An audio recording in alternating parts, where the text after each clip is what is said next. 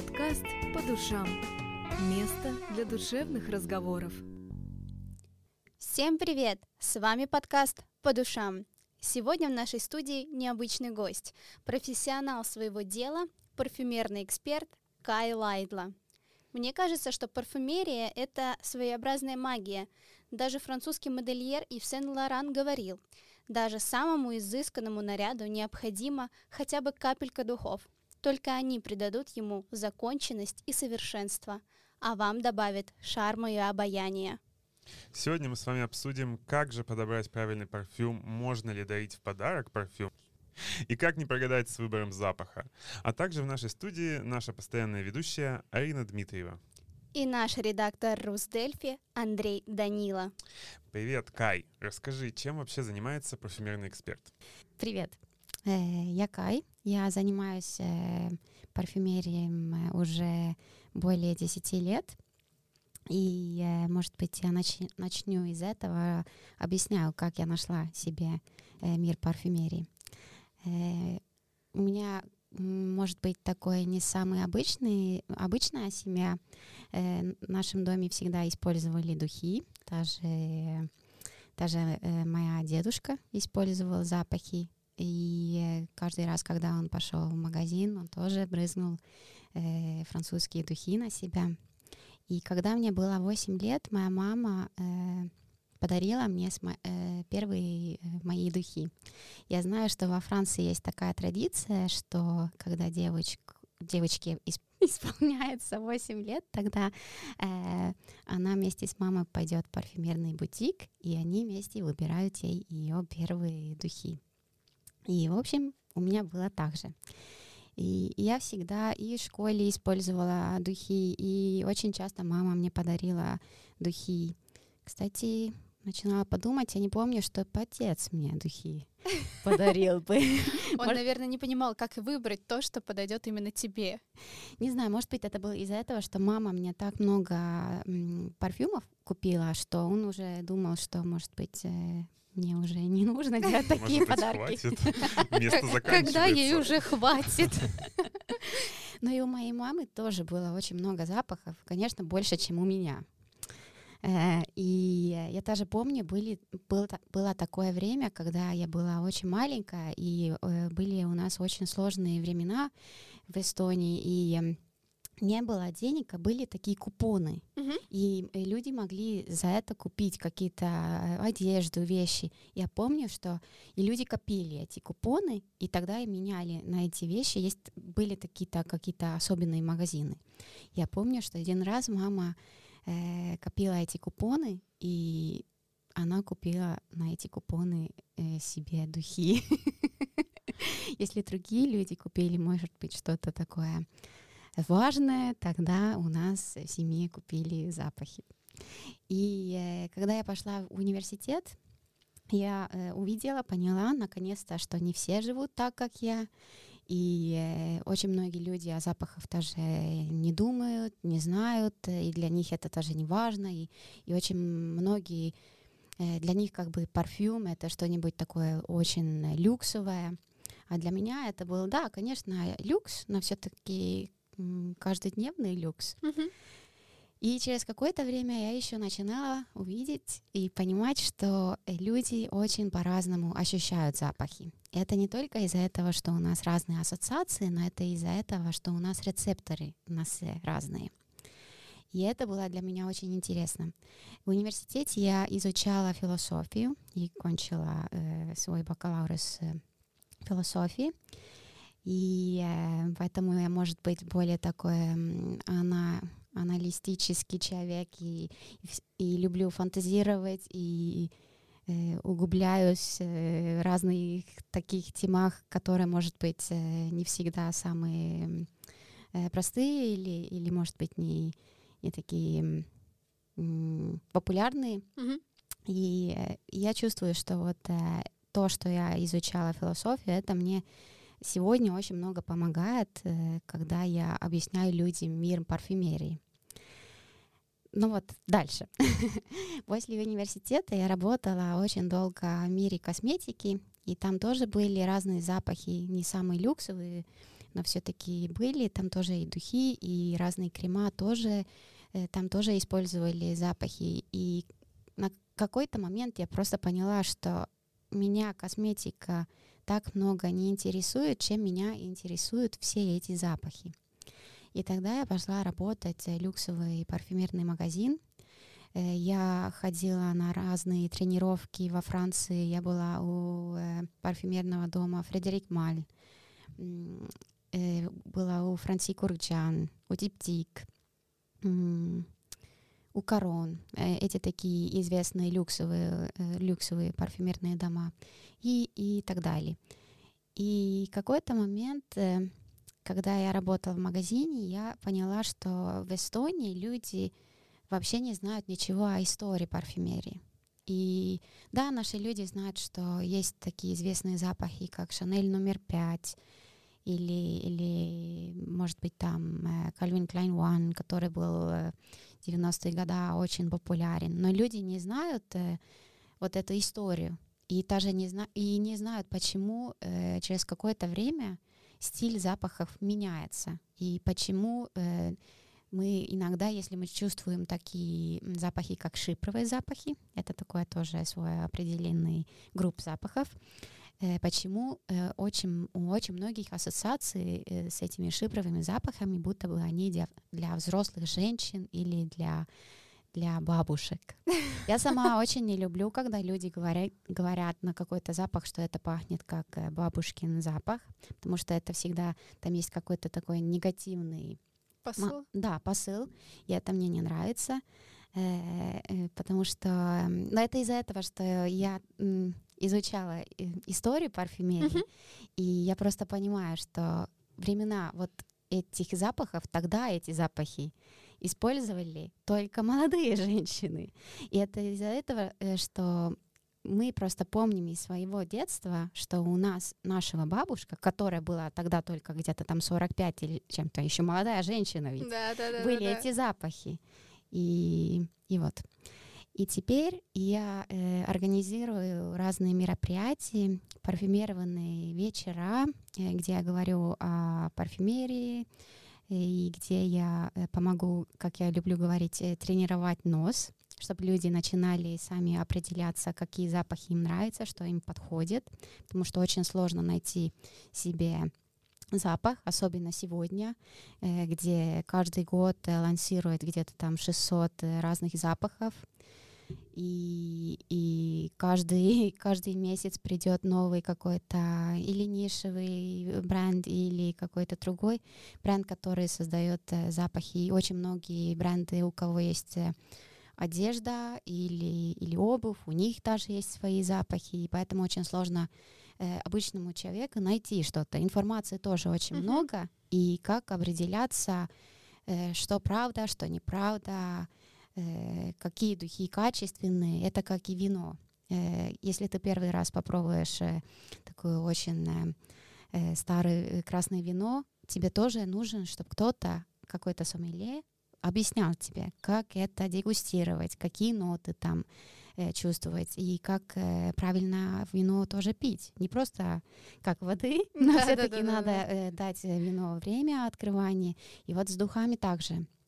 Э, что запах тоже, когда мы э, попробуем это на коже, тоже надо дать немножко времени, чтобы эти ноты открывались, чтобы запах э, э, открывалась красиво на нашей коже, что мы видели, какие там есть верхние ноты, как там открывается сердце и так далее.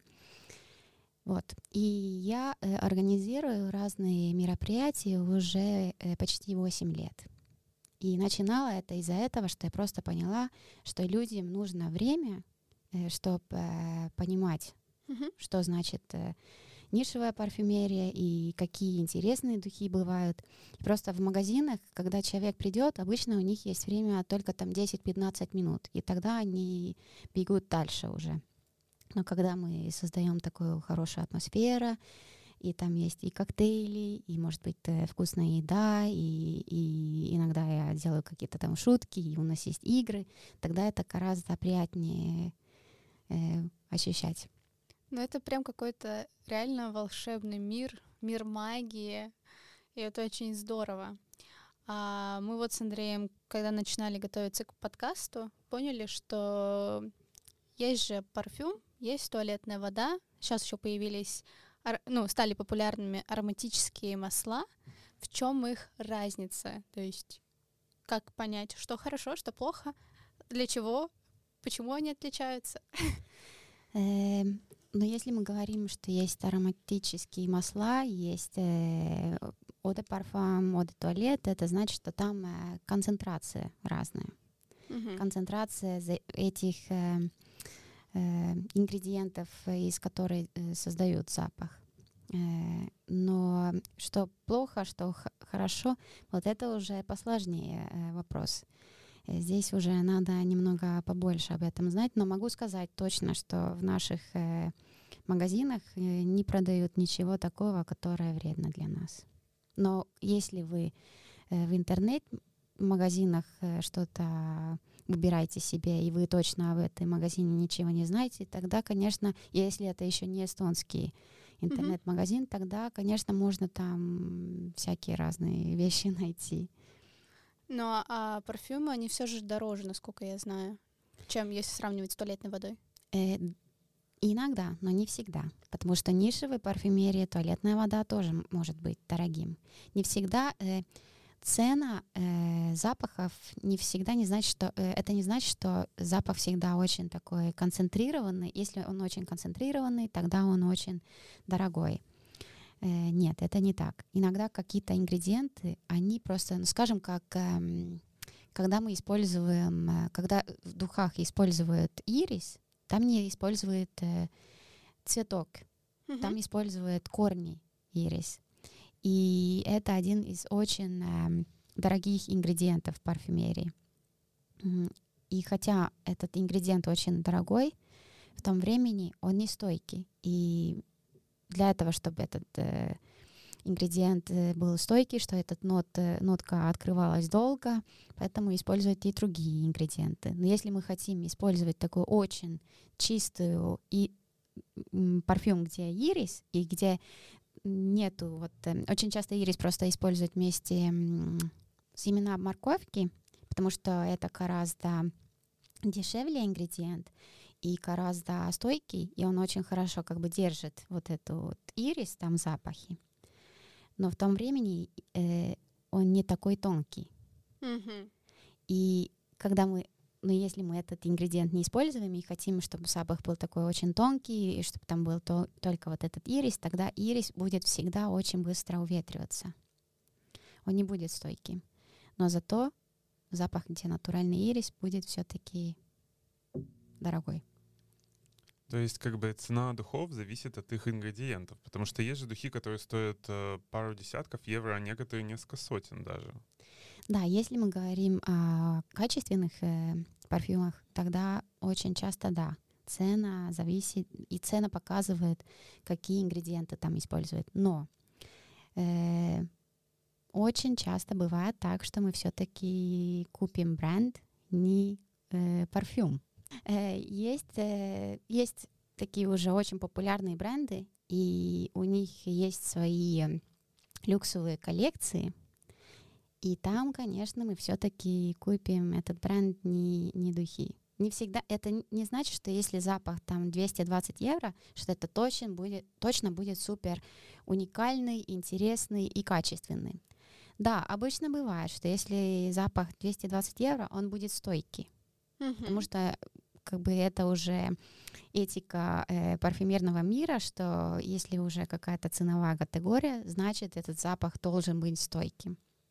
Но это не значит, что этот запах всегда, что там самые качественные ингредиенты или что там э, та же композиция очень э, такая интересная, новая. Э, парфюмерном мире тоже бывает э, много того, что кто-то э, какой-то парфюмерный артист, кого еще никто не знает хорошо, и кто сам себя не умеет продавать. И, и придет кто-то из большого компании, попробует его духи, и они копируют его духи. Неплохо так. А ты как раз-таки говорила про нишевую парфюмерию. Что это такое?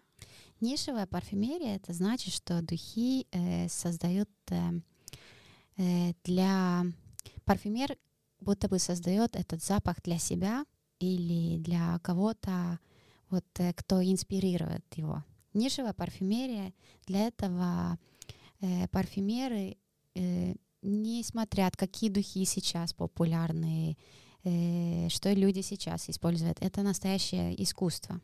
И если честно, я знаю, что в нишевой парфюмерии, нишевая парфюмерия не будет никогда по-настоящему очень популярным.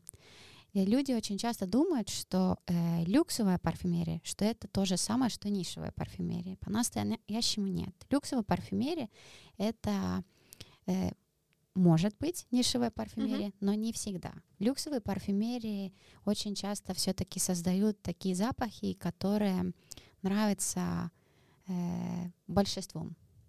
Но они все-таки качественные духи, э, более качественные, чем э, в массовой присутствии.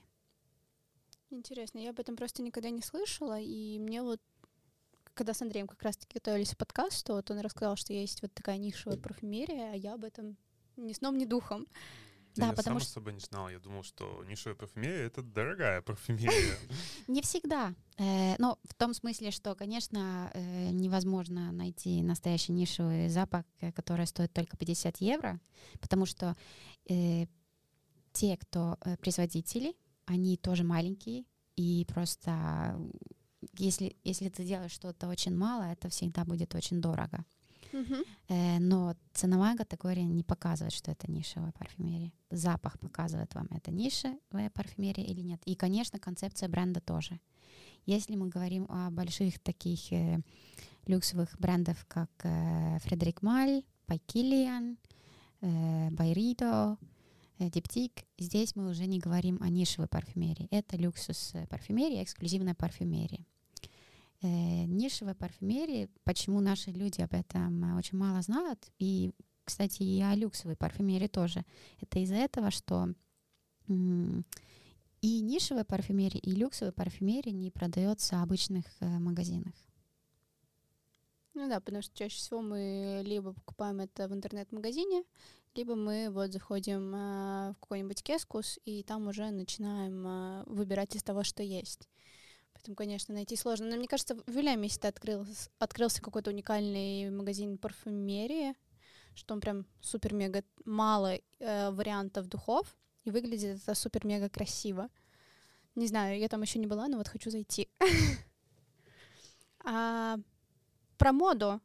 Ты говоришь, что есть какие-то запахи более модные, более трендовые. Что сейчас, вот какие запахи больше всего люди хотят на себе видеть? Слышать. Но если мы говорим э, о трендовых э, запахах, э, тогда нам и надо немножко говорить об этом, какие, где мы находимся. Конечно, в Эстонии один тренд, в России другой. Хотя какие-то самые популярные духи, они все-таки такие бестселлер духи, они то же самое, как Мизон Франси Курчан Бакара Руж, У каждого в Таллине, мне кажется, есть уже этот запах. И в России тоже этот запах очень популярный. Э, мне кажется, что в Эстонии э, до сих пор очень популярны э, гурманские духи. Зап гурманские запахи, эти такие запахи, где самые главные ноты похожи на десерт или на еду. И у нас в Эстонии популярны более такие сладкие гурманские духи, хотя уже э, в мире э, более часто используют такие соленые ноты, уже более такие, даже там устрицы, соль, э, масло, что-нибудь такое, гораздо, гораздо э, такие экстравагантные ноты. Но экстравагантные они поэтому, что они сейчас экстравагантные, потому что они новые. Через какое-то время, я думаю, они уже не, и не такие экстравагантные на 2022 год э, будет такой э, один из самых популярных нот в парфюмерии будет э, зеленый чай. И очень многие разные и люксовые парфюмерные дома, и даже такие массовые парфюмерные дома, хотя э, массовые, массовых парфюмерных домов не бывает, бывает просто э, дизайнерские бренды, и у них есть э, какие-то тако, тоже такие свои э, парфюмы. И вот э, будет очень много разных э, запахов, где будет э, нота зеленого чая. Это Главным. интересно, надо будет потом как-нибудь найти такой запах и понюхать. Андрей, а, кстати, а какой, э, какой бы ты запах предпочел? Более сладкий, более, не знаю, там, допустим, запах э, какого-нибудь крепкого алкоголя, чтобы присутствовал? Как тебе больше? Алкоголь и сигарет, да? Нет, на самом деле... говорят, что в мужских э, духах часто вот используется алкоголь и сигареты, и это очень гармонично, вкусно звучит. Я вас э, на минуту перебиваю. Вы знаете, алкогольные ноты, они сейчас очень популярны в парфюмерии. Э, они не были популярны, скажем, алкогольные ноты начинали появлять парфюмах э, больше вот здесь где-то 10 или 15 лет назад. Mm-hmm. Но где-то там 30-40 лет назад они не были вообще не были такие популярные. Теперь у нас есть даже очень много лансируют запахи, которые там инспирированы из виски или какое-то определенное вино или, или даже водка. Э, но это из-за этого, что люди э, очень часто нравятся запахи, э, которые...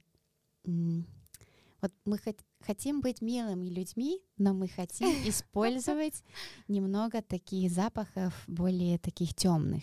Mm-hmm. Это все-таки бывает так. И самые популярные запахи в мире до сих пор бывают запахи, где вот эта, эта концепция запаха бывает э, такое даже иногда немножко противный или так, ну да, такие темные запахи.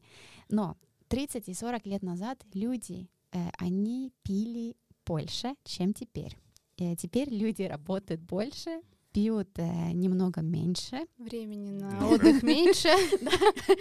Э, вы знаете, но были ведь времена, когда люди на работе тоже пили. 50-е годы. Это, конечно, у нас здесь э, СССР не было такое, но, но в Америке было это, что у каждого был в офисе был э, виски. Это было нормально на работе пить. И это был какой-то такой э, образ жизни. А теперь, если мы, ну, кто-то слишком часто пьет, даже, может быть, это бокальчик вина, мы все-таки смотрим на этого человека и спрашиваем у него, может быть, у тебя проблемы? Вот как интересно. А в том времени ноты, вот алкогольные и запахи о алкоголе, это людям очень нравится. Людям нравятся запахи, которые говорят нам о грехе. И Интересно, я об этом никогда не знала. Ну вот, кстати, Аина спросила, какие запахи мне нравятся. Я вообще заметил, что я не очень люблю мужские запахи, потому что они, мне кажется, немножко, я не знаю, возможно, слишком интенсивными, а женские запахи при этом слишком сладкие, и поэтому я выбираю в основном унисекс. А вообще есть ли какая-то разница между женскими и мужскими запахами, или это чисто маркетинг? Но очень часто это бывает просто маркетинг, э, и я сама думаю, что каждый человек Э, должен использовать запах, который ему нравится. Даже если запах очень такой для нас э, кажется женственный, но если мужчина это на себя попробует, у мужчины химия кожи э, гораздо э, это гораздо ну, тру, запахи гораздо по-другому открываются. И у женщин очень часто э, химия кожи и запах э, кожи бывает послаще. У мужчин э, я бы сказала, что у мужчин э, кожа пахнет как э, что-нибудь такое соленое, мускус и, и даже иногда перец. И я дам тебе, у меня с собой есть э, тоже духи, нишевая парфюмерия. Я дам тебе попробовать запах, где есть сладкие ноты и кожа. Прям запах кожи. Э, в базе. В базе э, аккорд кожи, да. Я чувствую, что он очень сладкий. Есть такой какой-то дополнительная эта нотка, наверное, вот это и есть кожа. Да, этот здесь у нас аккорд конфетки. Точно. Да. Сразу и... аппетит просыпается. Но я отсюда даже чувствую, что прям очень очень вкусный запах. Но я бы Издалека он по-другому пахнет. А на коже вообще по-другому открывается. На коже э, открываются такие дымные копченые ноты. Мгм. И вот этот Интересно. запах, э, сперва люди думают, что вот если здесь э, конфетка, э, такие сладкие ноты, что это лучше подходит женщинам. Нет, это и хорошо у мужчин тоже открывается.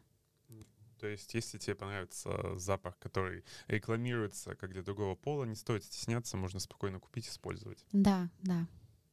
Вообще здорово. Мне кажется, всегда нужно так думать. Но у меня, кстати, многие подруги, они так и делают, что они покупают себе мужской парфюм и пользуются, и на них это не выглядит как какой-то грубый, неприемлемый запах, как будто бы об нее сейчас потерся какой-то мужчина, и она вот от него пахнет.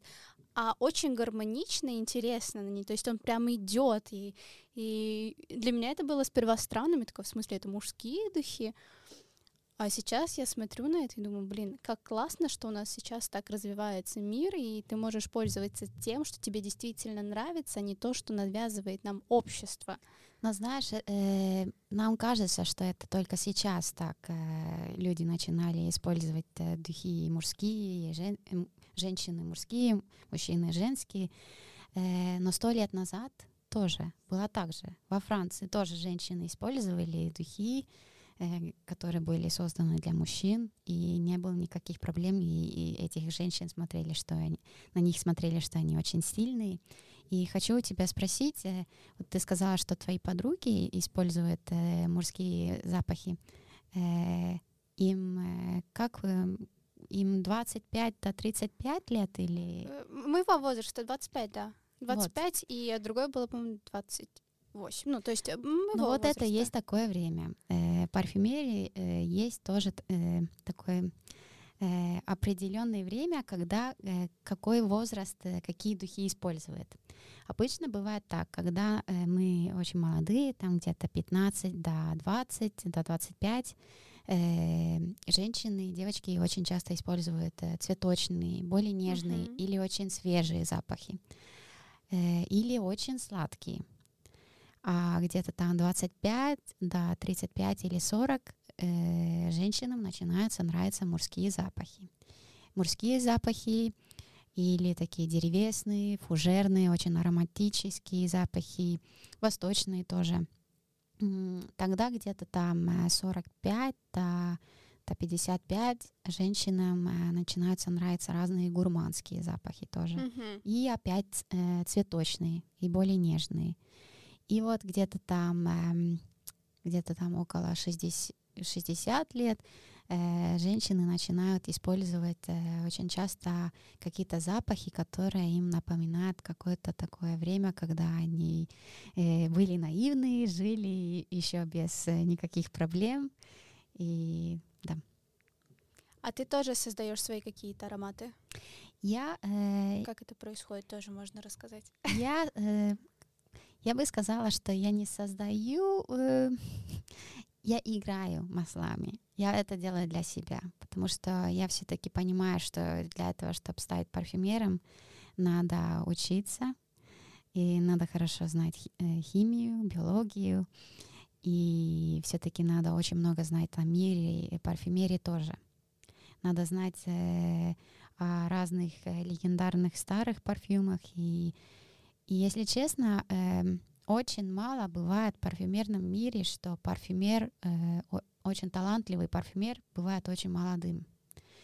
Это все-таки опыт жизни э, дает э, понимание. Ну, у тебя есть, есть свой магазин с парфюмерией, насколько я знаю. По какому принципу ты отбираешь туда духи? Э, да, э, скоро открывается э, студия бутик Амбра.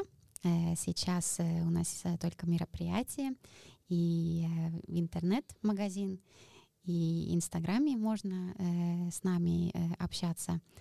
Но как мы выбираем туда духи, мы выбира- выбираем туда только нишевые бренды, только очень маленькие бренды. И я выбираю туда э, такие бренды, которые в Эстонии э, не продаются, которых в Эстонии не было. Э, но все-таки очень важно, чтобы эти бренды были и качественные, потому что и бывает очень много таких брендов, которые э, сейчас такое время, что каждый теперь создает свой бренд, э, и, и все-таки важно, чтобы э, эти бренды, с кем я работаю вместе и, и покажу людям их духи, чтобы эти, эти бренды, чтобы я знала, чтобы они будут долго еще на, на туруль. На рынке. На рынке, что они будут долго на рынке. И еще один важный аспект, э, хотя я уже давно в этом мире э, работаю, и меня э, я люблю просто безумно этот мир. Все-таки, если я буду людям говорить, что вот эти запахи хорошие, это ничего не значит. Меня никто не знает, и я не какой-то там инфлюенсер. Э, поэтому мне важно, что все эти бренды, с кем э, э, Амбра работает вместе, чтобы у них был какой-нибудь авард тоже. И авард... Награда, да? Награда, да, чтобы у них была какая-то награда. Награда от специалистов парфюмерного мира. И каждый год такие награды и дают. В общем, если мы хотим какой-то уникальный запах себе получить, то мы идем в Амбра. А ты вот говорила про долговечность э, парфюмерии, э, парфюма. А есть ли какой-то срок годности у нее? Как долго можно использовать вот этот флакончик? Может ли он десятками лет простоять, и мои дети в итоге такие, о, это мамин парфюм, я возьму, воспользуюсь? Ну, официально э, три года после этого, когда мы открываем э, бутылку. Но есть э, духи, особенно если они деревесные или восточные, которые все-таки мы можем их использовать и через 10 лет тоже. Э, тип духов, если мы используем cologne mm-hmm. и цитрусовые духи, тогда я бы сказала, что они уже через год или через два уже не те. Потому что цитрусовые ноты очень часто меняются uh-huh. очень быстро. Но вот деревесные запахи, они гораздо дольше, их можно держать. И очень важно, чтобы э, люди не держали запахи ванны. Вы ведь не держали бы хорошую бутылку шампанского или вина ванной, поэтому не держите запахи тоже там. И держите запахи шкафу где-то, где темно, где немножко холодно, чтобы не было тепло. И я знаю, люди хотят э, держать свои запахи в том месте, чтобы все было видно, но для запаха все-таки лучше, если она в темноте. Отлично, будем знать. На самом деле у нас здесь происходит какое-то волшебство. А, на нашем столе лежит огромное количество парфюмов, которые Кай нам принесла с собой. А мы сейчас с Андреем их протестируем, понюхаем и немного расскажем вам о них. Самое интересное, что никогда нигде не видел эти флаконы. Да, это, э, да, это только это в Эстонии только у меня. Так, первый запах. Пожалуйста, попробуйте. Ты можешь пока о них рассказать. Я бы хотела, чтобы вы о них рассказали. Mm, он сладенький, мне нравится. Я люблю сладкие ароматы. Но вот когда ближе, опять же, э, начинаешь его нюхать, то какие-то запахи горечи. Да, ты права. Здесь у нас разные белые цвета. Э, и, кстати, и натуральные цвета. Не всех, не всех э, цветов э, возможно использовать в натуральном виде в запахах. Э, ландаш, э, ландаш мы не можем использовать в натуральном виде, просто этот э, эссенс э, не пахнет как натуральный ландаш, поэтому ландаш всегда синтетический ингредиент или просто там конструировано из разных ингредиентов, которые все вместе создают запах ландаша. Но здесь у нас э, жасмин, тубероза,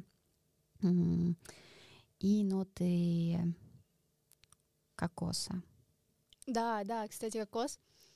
Вот когда на, на расстоянии его нюхаю, вот на как раз-таки я слышу запах кокоса.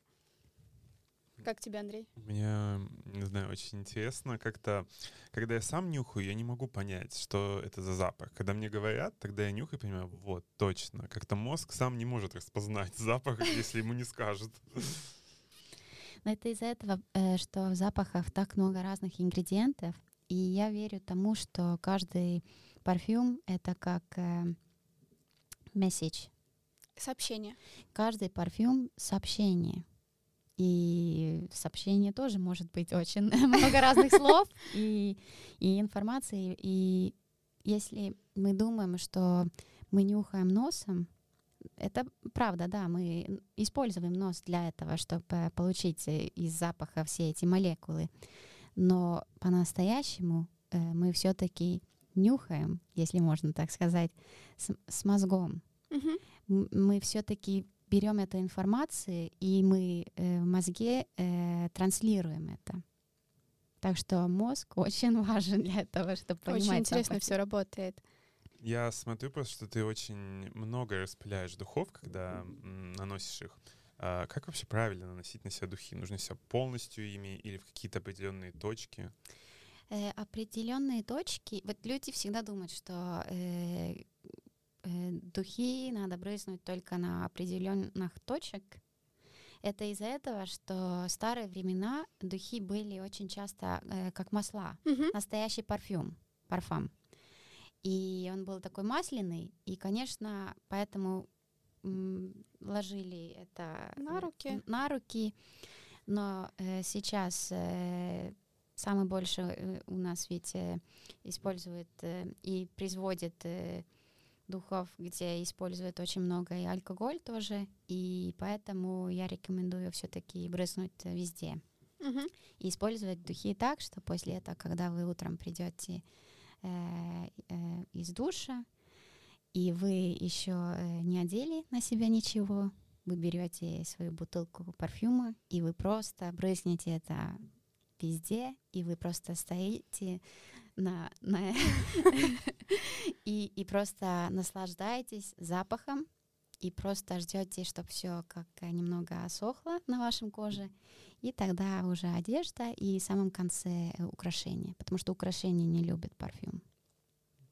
А я еще слышу, что нельзя тереть духи, когда наносишь на кожу. Да, это из-за этого, что мы просто как бы м, терим эти, э, эту композицию. Мы как бы, если мы терим запах, тогда мы э, сломаем композицию Мгм. запаха, и поэтому духи не будут такими стойкими на нашем коже. Поэтому это нехорошо делать. Но когда запах очень масляный, тогда вы можете это, тогда да- вы можете это делать. Отлично. И попробуем теперь э, запах, который э, на этом э, сезоне очень популярный. Но для меня это тяжеловатый запах. А мне наоборот очень нравится. Вот мне первые больше понравились. Первые и вторые. Менее, вот этот запах менее сладкий, и он более отвечает. моим Здесь у вкусам. нас деревесные ноты. Это такой Да. типичный деревесный запах. Первый запах был, э, самый первый был типичный гурманский. Мгм. Ну, в том смысле типичный, что там был э, сахар и, и был такой сладкий. Второй был э, у нас э, типичный э, цветочный запах, а теперь третий у нас типичный деревесный. Эстонцы и, и наши русские очень любят э, деревесные запахи. Ну, для меня, да, это был такой более тяжеловатый. Вот первые два это прям мое, и я насладилась, а это мне прям немного отталкивает. Но допустим. подумай, если какой-то такой очень эм, красивый, сенсуальный мужчина использовал этот запах. Такое. Но мне кажется, я бы обратила внимание. Я представила это на своем будущем муже, и мне кажется, ему бы подошел. Вот действительно все по-разному воспринимают ароматы. И отсюда возникает вопрос. Скоро у нас Новый год, и мы все должны искать подарки своим друзьям, близким. Вот можно ли вообще духи дарить в подарки? Конечно, конечно. Ну а вот как так угадать, если тебе кажется запах вкусный, Зачем человек... угадать? Вот это, вот это всегда э, проблем наших э, бедных людей. Мы Не надо угадывать. Мы всегда э, думаем, что все э, подарки, чтобы они э, должны быть практичными. Вот мы сами, когда делаем подарок, мы всегда тоже боимся, будет этот человек это использовать или нет. Плюс еще, что я видела, э, когда я в магазинах работала, очень часто э, люди и хотят, чтобы им покупали эти духи, которые им нравятся. Но это ведь не интересно. Купите себе эти духи, которые вам нравятся. Купите сам себе. И это и будет вот ваш вот этот запах. Это мой запах. Я себе это купила. Вот так. Это мой signature. Но э, если делать подарок, это ведь э, так интересно, когда человек выбирает нам запах, который он думает, что нам подходит, или который говорит о нас чем-то, или, и, или когда вот э, делают подарок запах, и это такое Э, когда запах сообщения. Это гораздо интереснее. И даже если вам запах на эту минуту не нравится, наша химия кожи меняется. Это меняется сезонами, это меняется годами. Э, просто держите этот запах и иногда просто попробуйте опять. Не надо это продавать, не надо подруге или э, другу дать. Просто держите и иногда нюхайте. Это есть, вот это есть настоящий люкс, когда мы делаем такие подарки, и мы делаем это просто из сердца, и, и просто хотим делать что-то приятное другому человеку. Мне кажется, это прекрасное завершение нашего подкаста. Кай, спасибо тебе спасибо. за эту магию, которую ты нам сюда с Андреем принесла. Я насладилась, Андрей, ты как? Я еще долго не забуду эти запахи. Да. Возможно, даже не выветрится с меня еще недолго. Да, это, кстати, приятный бонус. В общем, дорогие наши слушатели, покупайте парфюмы, делайте своим людям приятное и оставайтесь с нами, слушайте нас на всех удобных для вас площадках. А с вами был э, подкаст по душам Кай, Андрей и Арина. Всем спасибо. Пока. Подкаст по душам. Место для душевных разговоров.